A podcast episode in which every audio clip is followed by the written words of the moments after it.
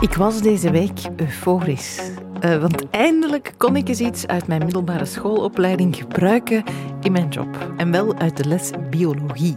Want in Het Lied van de Cel, een boek van Siddhartha Mukherjee, gaat het over celmembranen en mitose, over mitochondriën en cytoplasten. Woorden die ik al heel lang niet meer gehoord had, maar die ergens toch nog ergens van achter in mijn brein zaten. Dat boek was interessant, maar mijn brein, eh, ook al zat het daar ergens, ontplofte soms wel een beetje. Gelukkig las wetenschapswatcher Hetty Helsmoortel het ook, het boek, en zij legt alles behapbaar uit. Welkom bij Voorproevers, de podcast. Ik ben Annelies Moons en ik ben blij dat je luistert. Voorproevers. Het lied van de cel, daar gaat het hier over vandaag. Een nieuw boek van Siddhartha Mukherjee, oncoloog, kankeronderzoeker en auteur. Hetty Helsmoortel, wij kennen jou als wetenschapswatcher. Uh, we hebben samen met jou gehoopt dat jij naar de ruimte komt. Ja, dank je. maar je hebt ook lang uh, kankeronderzoek gedaan. Ja, absoluut. Ja. Ik ben afgestudeerd als biotechnoloog en dan het kankeronderzoek ingerold.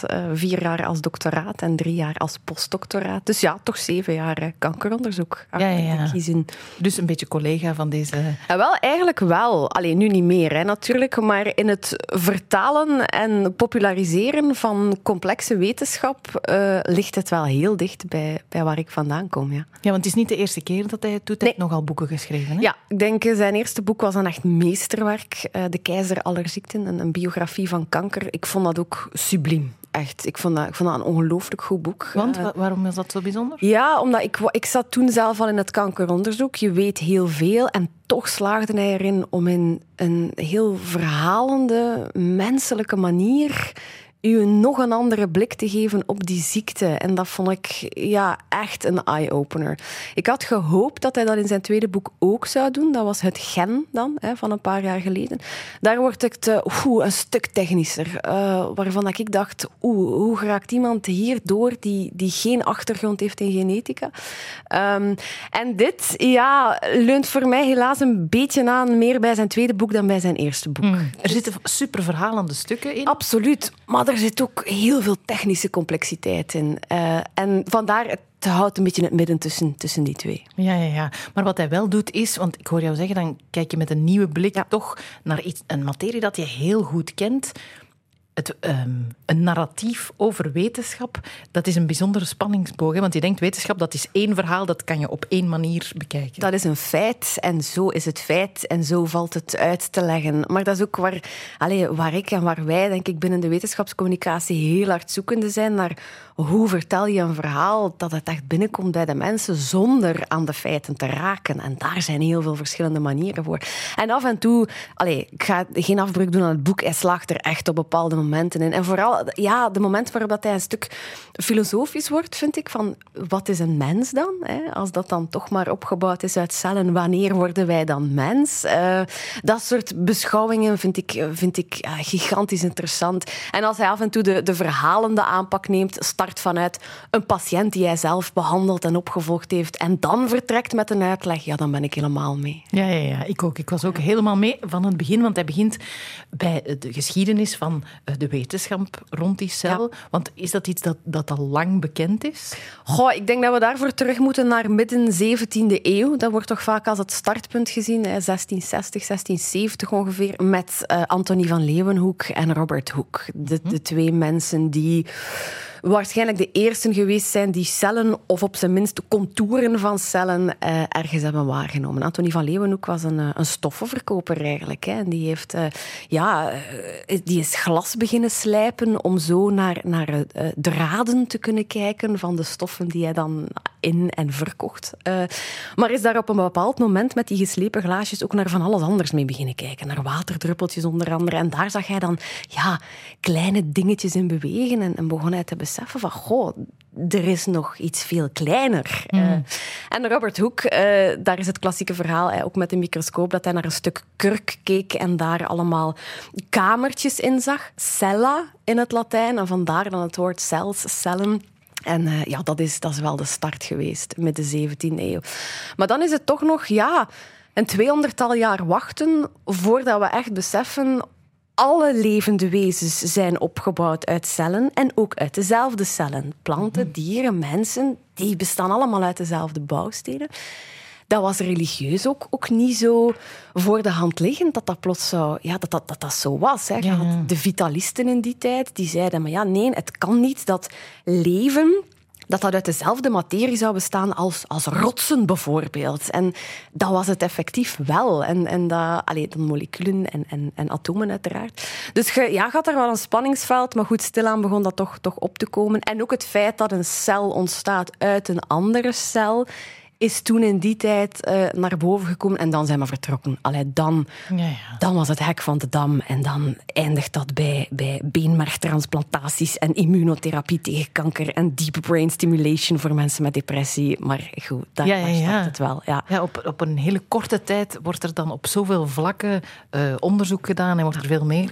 Maar wat, wat wel een constante blijft, is dat mensen al eens durven verguisd worden voor wat te ontdekken. Want dat valt op van in het begin dat wetenschappers of hobbyisten, want dat is dan een stoffenhandelaar wel, dat is niet echt een, een wetenschapper op dat moment. Um, mensen zijn daar niet blij mee met nee. ontdekken. Nee, en dat is een verhaal dat wel doorheen die hele uh, celgeschiedenis loopt, zal ik maar zeggen. Eh, bijvoorbeeld ook de eerste in-vitro-fertilisatie in 1978. Daar zijn ook mensen voor verguisd. Nu is dat dagelijkse kost in onze ziekenhuizen. Um, nu op dit moment zitten we zo met het ethisch spanningsveld van ja, we kunnen nu genen aanpassen in, in cellen. Moeten we dat ook gaan doen in embryo's bijvoorbeeld? Moeten we daar eigenschappen gaan aanpassen?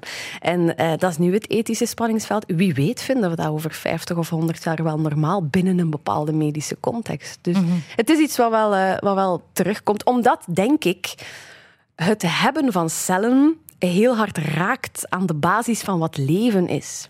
En als je daaraan raakt, als je daar veranderingen gaat doen van bloedtransfusies tot immunotherapie, ja, dan raak je voor een stuk ook aan wat leven is en bij uitbreiding aan wat een mens is. Vandaar dat daar soms ook wel wat weerstand tegen is, denk ik. Ja, ja van een soort heilig lichaam. Iets wat je moet... Uh, Aanvaarden en, en, zoals het komt. En puur houden en, en uh, ja, vooral niet te veel op ingrijpen. Ja, ja, ja. Het lied van de cel heet het boek. Uh, die titel legt hij ook uit. Wat bedoelt hij daarmee? Hij bedoelt daarmee... Ik zei daarnet, het ribosoom is mijn favoriete onderdeel van de cel. Hij bedoelt daarmee alles wat gecodeerd is in genen, in ons DNA DNA, dat zijn, je kan dat eigenlijk vergelijken met de noten van een partituur. Dat is gewoon informatie. Je hebt een muzikant nodig. Je hebt in dit geval ja, een cel of toch de samenwerkende componenten van een cel nodig om van die noten muziek te maken. Om in het geval van leven, van genen, ja, werkzame dingen te maken. Cellen die een hart doen kloppen, die informatie vuren van het ene neuron naar het andere, die ja, uh, zuurstof vervoeren in ons bloed. Dus je hebt, je hebt die cel nodig om die genen tot leven te wekken. Voorproevers met Hetty Helsmoortel vandaag en met Siddhartha Mukherjee, die een boek schreef, Het lied van de cel. Het gaat over de cel en over uh, wat daarin te zien is, wat dat doet, wat het kan, wat dat niet kan soms. Um, ik zei daarnet, ik kon eindelijk mijn biologieles van het middelbaar nog eens gebruiken. en vooral... Uh, in het stuk van de onderdelen van de cel, dat herinner ik mij nog een beetje. Ik herinner mij het celmembraan. Je zei daar straks, het eerste wat ze zagen door die microscopen, dat was eigenlijk de contouren. Ja, ja, bij planten heet dat niet membraan, maar inderdaad, ze zagen, ze zagen naar de contouren. Um, ja, inderdaad, je hebt iets nodig dat die cel omsluit, waardoor die cel een autonome, op zichzelf staande entiteit is. En dat is dan een membraan of een celwand bij planten. Ja, ja. en dan heb je een kern. Mm -hmm. Want, eh, ook niet overal. Hè. Bij bacteriën bijvoorbeeld heb je geen kern. Dus eh, dat is ook al de opsplitsing prokaryoten en eukaryoten. Hè, met kern, zonder kern.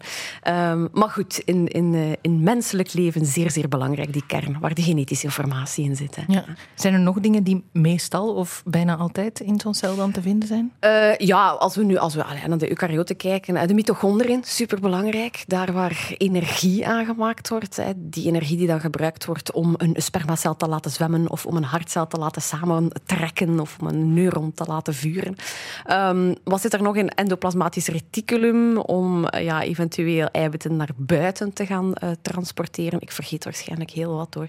Uh, ja, maar het is, het is eigenlijk je kan de, de analogie met een lichaam maken waar alles zijn functie heeft. Ja. En alles, eh, is dat in zo één cel al het geval? eigenlijk? Ja, inderdaad. En vooral, ja, we komen ook van eencellig leven. Dus, dus dat staat ergens op zichzelf. Maar dan op een bepaald moment, trouwens meermaals in de evolutie, is die sprong gemaakt naar meercellig leven. Dus dat moet iets zijn dat evolutionair gigantisch interessant was.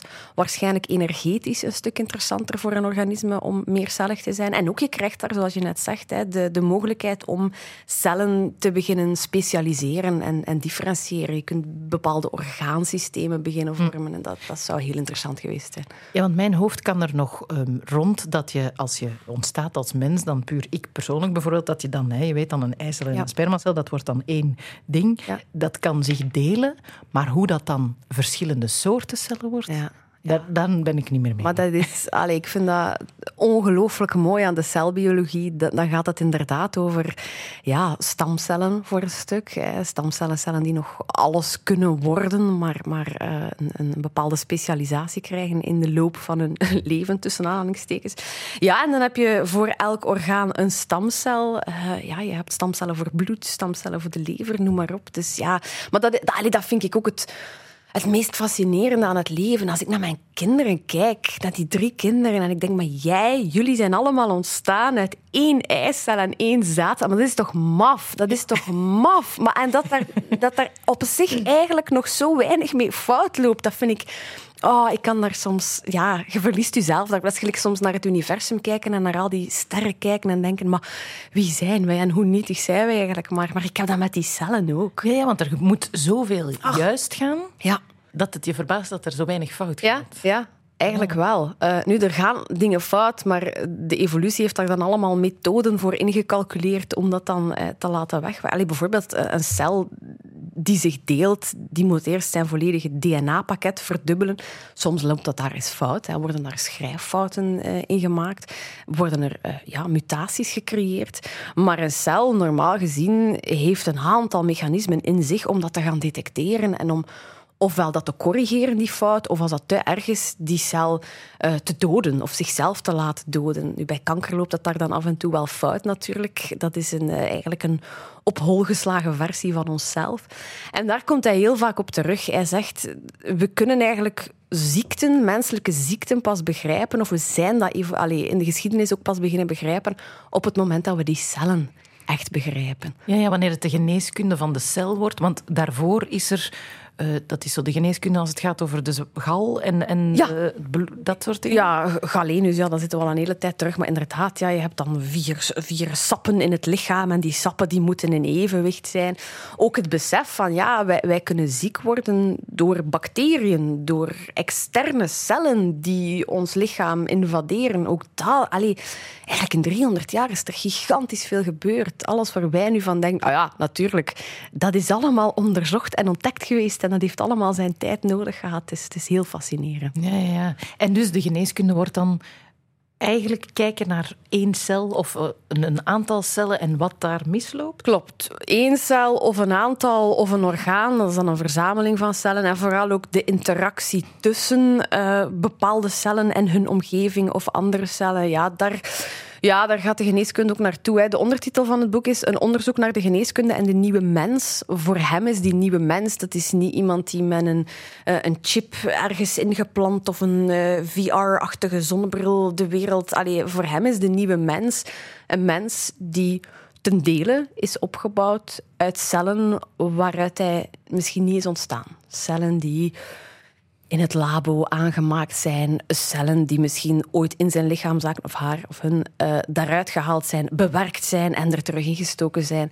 Ehm, stel bij diabetes, hè, de pancreascellen maken geen insuline aan, dan voor hem, de nieuwe mens, is iemand met een, ja, een bio-artificiële pancreas, een hoopje cellen die Ja. wel insuline kunnen aanmaken. In plaats van insuline te gaan toedienen, Exact. Eigenlijk dat, het rechtzetten van, van het probleem. op. Exact. Ja, ja, ja. Ja. Want het, het woord viel daarnet al bij kanker.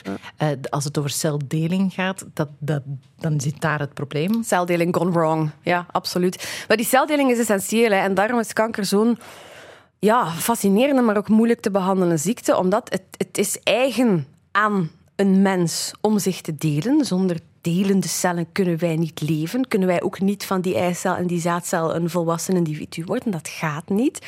Dus we hebben functies nodig die dat reguleren. En bij kanker ja, loopt het daar dan fout. Uh, als er bepaalde remmen normaal gezien op celdeling staan, uh, die werken dan niet meer of bepaalde signalen komen verkeerd binnen. En dan heb je eigenlijk ja, het zelf dat zich tegen het zelf keert, noemt hij het. En dat is, dat is heel mooi beschreven. En vandaar ook dat het zo moeilijk is om die ziekte te gaan bestrijden. Want je moet eigenlijk, als je bacteriën wil gaan bestrijden, weet je, er is een groot verschil tussen bacteriële cellen en menselijke cellen. En we kunnen echt antibiotica, we doen dat ook, ontwikkelen die specifiek gericht zijn op die bacteriecel, op iets wat en alleen... alleen die. Voilà, exact. En hij zegt, bij kanker is het eigenlijk een beetje als zoeken naar een middel, ik vond dat een heel mooie metafoor, dat um, het rechteroor verteert, maar het linkeroor intact laat. En dat is wel mooi uitgedrukt, want ja, je hebt iets nodig dat ja, cellen in het lichaam aanvalt, maar toch ook niet allemaal. Want dan, dat is, allee, dus, ja, dat is, dat is ja, kanker en celbiologie. Um, on top to the max, zou ik zeggen. Ja. En de complexiteit ervan. Want dan bijvoorbeeld gaat het ook over immuuntherapie, wat een relatief nieuwe uh, manier is om kanker te bestrijden. Hoe lang is dat? Een jaar of tien, denk ik? Ja, onderzoek loopt natuurlijk altijd al langer dan dat het echt eh, gebruikt wordt bij patiënten. Maar inderdaad, ze noemen het het vierde grote wapen tegen kanker. Het eerste is echt chirurgie of, of wegsnijden. En vaak wordt kanker ook, kanker ook nog in die volgorde behandeld. Tweede, ook, ook geschiedkundig, was aan radiotherapie, het bestralen van, uh, van uw tumor en de cellen daar rond. Derde was chemotherapie, hè, met, met chemische middelen proberen uh, de strijd aan te gaan. En het laatste, het vierde nieuwe, is dan immunotherapie. Dat is eigenlijk ja, je eigen immuunsysteem een boost geven, een beetje aanpassen, een beetje versterken, een beetje veranderen, zodanig dat die de kankercellen gaat aanvallen. Je kan op heel veel verschillende manieren doen, maar ook daar komt het weer neer op ja, een celtherapie mm-hmm. in essentie. Ja, ja, ja.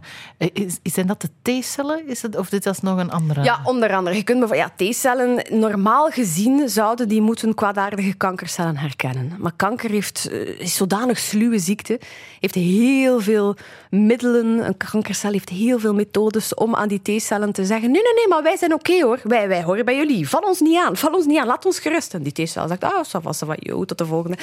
Maar uh, wat je kan doen, dat is één vorm van immunotherapie, is die T-cellen uit het lichaam van een patiënt halen, daar een klein beetje genen veranderen, zodanig als je die terug inspuit in het lichaam en die kankercellen zeggen, ja maar nee, wij zijn een van u, dat die T-cellen zeggen, nee, nee, nee, nee, nee, maar ik heb u door, ik heb u door, ik ben versterkt, ik ben slimmer geworden. Het is een metafoor, hè, vooral mm duidelijkheid. Um, en dat is één manier om inderdaad met die cellen ja, kanker te gaan behandelen. Bij de ene ene kankertype lukt dat al beter dan bij de andere. Bij de ene patiënt lukt dat al beter dan, dan de andere.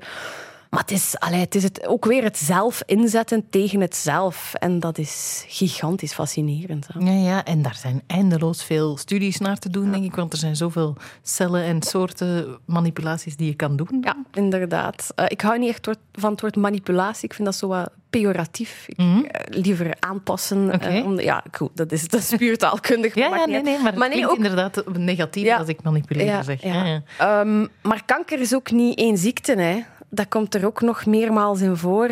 Allee, ook daar weten we eigenlijk nog, nog, nog niet alles. En dat zegt hij ook. We weten ook nog niet wat we nog niet weten. En dat is, ja, dat is zo confronterend op een bepaalde manier. Om, omdat helemaal in het midden van het boek zitten er een 10, 15 pagina's over de COVID-19-pandemie. Mhm. Ik vind dat daar eigenlijk wel op een goede plek zitten, omdat hij bouwt op geschiedkundig. Wat weten we allemaal? De organen, de componenten, de cellen, de inhoud van de cel enzovoort. En plots zegt hij, wij waren zo zelfzeker over onze kennis van de celbiologie. Beetje arrogant. Misschien. Misschien. Ja komt daar een virus op ons af dat dingen met ons lijf doet. Oké, het is een virale ziekte, maar eigenlijk is het ook een ziekte van onze cellen. Hè? Want een virus zonder cellen is niks. Hè? Dat virus moet in die cellen binnendringen, moet daar schade aanrichten. Dus goed, het is ook, zegt hij, een ziekte van de cellen. En staan we daar met onze mond vol tanden. En proberen we en proberen we en zoeken we. Maar zegt hij, COVID-19 heeft heel veel autopsieën met zich meegebracht, maar zeker ook een autopsie van onze kennis van de celbiologie. Mm -hmm. Ja, want op een moment zegt hij gewoon tien keer naar elkaar, we weten het niet. We weten het niet. Ja. Wat je niet vaak leest. Uh, nee, en wat denk ik ook veel te weinig gezegd wordt um, in de maatschappij in het algemeen. Ik weet het niet. Mm -hmm. Ik weet het gewoon niet. En Ja. dat is helemaal oké. Ik heb hier nog niks over opgezocht of nog niks over gelezen. Want wij zijn ook niet alwetend. Hè. Dat is dan eh, op heel persoonlijk vlak, maar ook op vlak van de wetenschap. Hey guys, er zijn dingen die we echt nog niet weten. En ik vind dat mooi dat hij dat wel benadrukt. Ja, ja. En ging, als het over COVID ging, ook over veel verschillende vlakken waarop het verbazend was. Hè. Ehm, zonder symptomen toch doorgeven, op voorhand, achteraf, de exponentie of exponentiële groei, groei van bestaan. Dan bepaalde mensen die niet vatbaar waren, sommigen die er gewoon doorkwamen, anderen die eraan overleden. Van waar zit dat? Waar zit dat? Waar zit dat verschil? Is er een verschil in die cellen? Is er een verschil in die genen? Dat beginnen we nu ja, stapsgewijs te, te ontleden. Wat met die vaccins, hoe moeten die werken? En dat, is, ja, dat vind ik dan ook zo mooi, want daar is echt veel backlash over geweest, over die COVID-19-pandemie. Maar verdorie, die wetenschappers die werken, die werken echt keihard aan het ontfutselen van, van minuscule details om, om levens te redden. En ik vond dat ook even wel een betoog van het is niet omdat we het nog niet weten dat we niet keihard ons best doen en dat het, dat het niet een betrachting is om de waarheid te achterhalen. Ja, dat zegt hij prachtig. En jij ook. Merci. Voorproevers. Over het lied van de cel, een boek gelezen voor ons door Hetty Helsmoortel. We hebben het over cellen. Daar kan je eindeloos over praten, want we bestaan eruit. En dus alles besta bestaat eruit. En alles wat eh, goed loopt en ook misloopt, heeft ermee te maken. Ehm, we hadden het al over kanker eh, bijvoorbeeld. Maar het woord IVF, of de afkorting IVF, viel ook. Dat, dat is de basis. Dat is celtherapie. eh, ja, Ja, Dat is- one-on-one. ja, Ja, voilà. absoluut. Ja, IVF. In vitro fertilisatie. Eh, ja, het is ook niet iets wat je meteen aan celtherapie zou linken of zo. Maar hij breekt echt een lans voor het feit dat dat wel zo is. Hè. Eh, de kennis van wat de eicellen zijn, eh, waar die al zitten in het vrouwelijk lichaam, hoe die tot rijping komen op welke manier dat je die dan kan oogsten, hoe dat je die in een labo in leven kan houden, hoe dat je die dan kan extern bevruchten met, met sperma, eh, hoe dat daar dan die eerste celdelingen ontstaan, op welk moment dat je die moet gaan terugplaatsen in een baarmoeder. Ho, het is... eh, ja. Veel ja, ja. stappen om eh, te gaan onderzoeken voordat het goed loopt. Voilà, zeer veel stappen in, in de celbiologie. En eh, ja, dan zitten we in de jaren, jaren 60, jaren 70. hè. In 1978, denk ik, is Louise Brown geboren, de allereerste reageerbuisbaby. Daar, Waarbij ze bang waren van op het moment dat ze die met een keizersnede ter wereld brengen, gaat er niet ergens iets niet helemaal kloppen. Ze waren heel bang van, stel je voor dat hij nu, eh, wat, schreef hij, heeft of een hazenlip heeft ook. eh, omdat ze dachten van, iedereen zal zeggen, ja maar ja, dat is door die IVF. Terwijl dat dat heel veel andere redenen kan hebben. Daar waren ze super bang voor. Maar dat bleek dan niet het geval. Maar goed, daar was heel veel backlash tegen. Hè. Die ouders die hebben blijkbaar een, eh, een gebroken reageerbuis vol met nepbloed als eh, cadeautje in de post gekregen van eh, kijk eens met jullie verwerpelijke westerse moraal wat jullie aan het doen zijn. En nu, ja, het wordt letterlijk dag in dag uit gebruikt in, eh, in heel veel ziekenhuizen ter wereld. En het heeft al heel veel mensen geholpen met, met vruchtbaarheidsproblemen. Ja, ja. En het woord reageerbuisbaby is ook een totaal fout woord. Ja, want blijkbaar zijn er heel weinig reageerbuizen gebruikt bij, eh, bij de creatie. Het was blijkbaar met, met, met grote glazen potten. De glazen pot waarin zij eh, verwekt is, die zou in het eh, Science Museum in Londen staan. Dus de volgende keer dat ik daar ben, ga ik daar wel eens naartoe kijken. Glazen potbaby, dat klinkt natuurlijk... Dat is een beetje goed. raar, hè? communicatie-expert. Maar het is wel ook daar het beeldende verhaal, want daarvoor is er ook nog een wetenschapper die stiekem experimenten doet. En dat is met zaad in taxis door eh, Londen en zo. Het, is, het zijn bijna allemaal dingen die verfilmd zouden kunnen worden. Ja, ik heb, ah, dat is gek dat je dat zegt. Want ik heb letterlijk, ik schrijf ook altijd in mijn boeken met potlood. Bij, die, bij dat fragment heb ik geschreven film, vraagteken. Dus dat, ja, van, Ja, voilà. Ja, maar het is- Ja, maar het is, het is, ja, er moet ooit echt een film van gemaakt worden. Ja, en inderdaad, je zit daar heel vaak op de grens van... Niet van het toelaatbare, maar wel ja, van het gigantisch experimentele. Waar dat dan ja, dingen gedaan worden die eerder nog niet gedaan zijn. Of waar sommige wetenschappers liever hun handen van afhouden.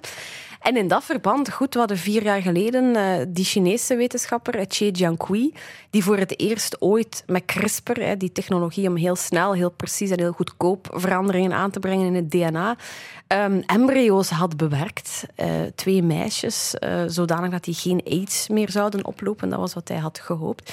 Ja, de wereld stond op zijn kop. Die man is veroordeeld, ook letterlijk. Die heeft net drie of vier jaar gevangenisstraf achter de rug. Um, maar hij zelf had gehoopt op een Nobelprijs. Daar, daar moeten we niet flauw over doen. En soms, ja loop je heel hard tegen die grenzen van het ethische af. En uh, ja, in sommige gevallen draait dat dan uit als een, een wereldreddend uh, geneeskundig iets. En soms leidt dat tot een gevangenisstraf. En het is, het is heel interessant om, om, ja, om dat allemaal te gaan bekijken. En, en alleen het boek legt hij al die cases ook heel duidelijk uit. Dus dat is, uh, ja, vind ik wel ferm. Ja. ja, ja, en dat zijn debatten die naast het onderzoek moeten gevoerd worden. Moeten, absoluut. In, in de brede maatschappij moeten gevoerd worden. Maar ja, daar blijf ik altijd bij, om zo'n debat te kunnen voeren, moet je wel een zekere achtergrondkennis hebben. Als we dat puur uit buikgevoel en frustratie en, en, ideologie gaan doen, ja, dan komen we er niet. Dus, dus allee, ja, zonder ja. cafépraat. Liefst. Ja, ja, ja. Wat hij ook in het boek heel mooi doet, uh, naast die ethische kwesties zeer mooi aan bod laten komen, is een aantal figuren um, uit die wetenschap um, eerherstel geven. Mm -hmm. Mensen, vaak vrouwen ook, ja. waar je nog nooit van gehoord hebt. Bij IVF is dat dan uh, Jean Purdy. Dat is uh, ja, de vrouw die, die voor een groot stuk de experimenten gedaan heeft. vrij kort na die eerste reageerbuisbaby overleden is. Denk dat zijn 85 overleden is, jaar voordat ik geboren ben. En nooit echt de gepaste erkenning gekregen heeft. En ja, ik bedoel, hij zou daar ook eens een boek over kunnen schrijven. Of dat is misschien al gebeurd. Maar hij moest, in de kantlijn bij dat fragment staat er bij mij Rosalind Franklin. Dat is de vrouw die mee de structuur van het DNA heeft ontdekt in de jaren uh, 50. Maar daar ook nooit de gepaste erkenning voor gekregen heeft. En ja, het, zit, er, vol van in de wetenschap. -hmm. Een andere vrouw die, die heel veel levens gered heeft, um, is, uh, wacht, ik moet even spieken dan, hè, Frances Kelsey. Die werkte bij het ja. FDA in, ja. de, in de Verenigde Staten.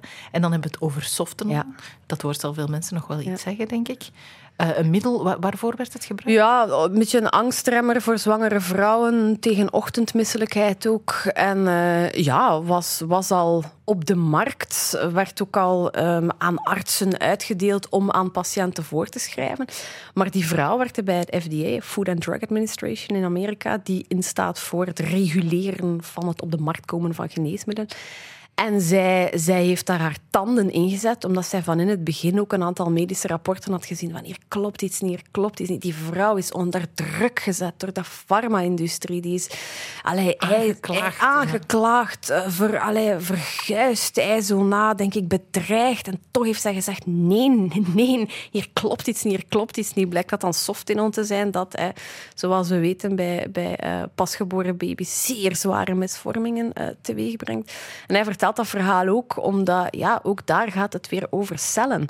Je grijpt daarin in de vorming van de cellen van een, van een heel klein wezen nog.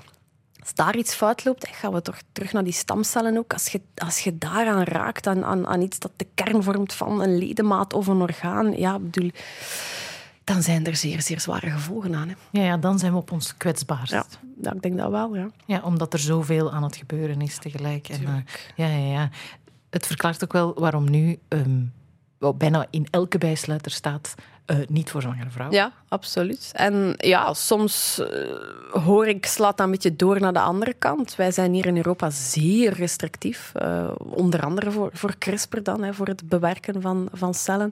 Terwijl dat bij planten of zo, dat dat, dat, dat echt wel wat, wat zou mogen afgezwakt worden. Maar goed, ja, het is, uh, ja, het is, het is een heel boeiende geschiedenis. Ook van ja, die interactie van, ja, van pharma, van aanpassingen willen doen. Ook dat voor een stuk ten goede willen doen, los van, van financieel gewin natuurlijk. Ja, Boeiend verhaal. Ja, ja, zeker. Heel boeiend. En heel veel...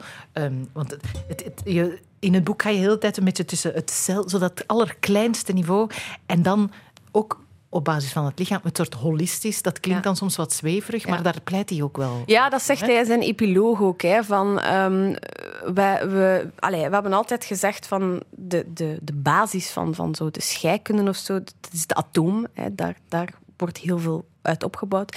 In de computerwetenschappen zijn dat dan de bits en de bytes.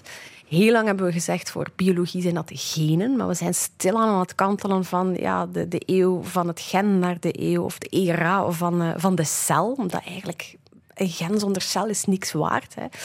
Maar hij zegt ook, ja, laat ons die cellen niet atomistisch bekijken. Laat ons die niet als één celletje bekijken, maar laat ons die hele omgeving meenemen. Waar zitten die in een lichaam? Met welke cellen komen die in contact? Wat is de invloed van de omgeving enzovoort? En hij zegt, ja, laat het ons holistischer bekijken. Hij zegt er meteen bij, dat is een woord dat heel vaak doet denken aan natuurgeneeskunde en allerlei uh. Maar zegt hij, zo bedoel ik het niet. Hij probeert het, ja ja, ruimer te bekijken, zowel binnen een organisme als ook binnen de maatschappij. Want wij zijn ook maar een deel van velen. En ja, misschien moeten we met z'n allen daar een keer samen iets meer mee doen. Ja. Dat is één domein dat de toekomst kan, uh, kan betreffen. Mm -hmm. uh, als het over de cel gaat, hoe ziet de toekomst van dat onderzoek eruit? Ja, we gaan daar zeer spectaculaire dingen nog tegenkomen, denk ik. Uh, in mijn theatershow, waarin ik terugkijk op het wetenschapsnieuws van het voorbije jaar, vertel ik een verhaal over eh, synthetische embryo's. Embryo's die gemaakt zijn niet door te vertrekken van eicellen of zaadcellen, maar gewoon van een, een hoopje stamcellen te vertrekken. En dan plots, vorig jaar, hebben wij leven gemaakt op een manier die miljoenen jaren niet, uh, niet aan de orde was.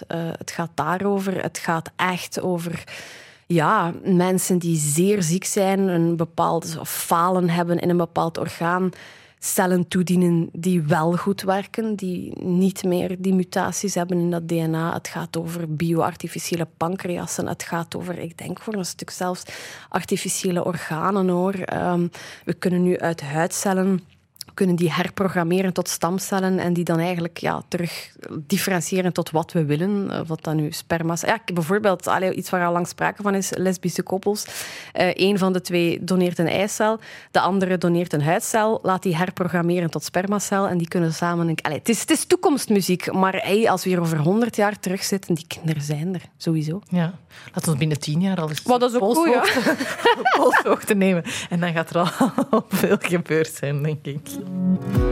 Radio 1. Voorproevers.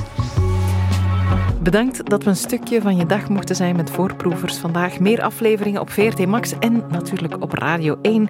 Meer over de cel in het lied van de cel van Siddhartha Mukherjee.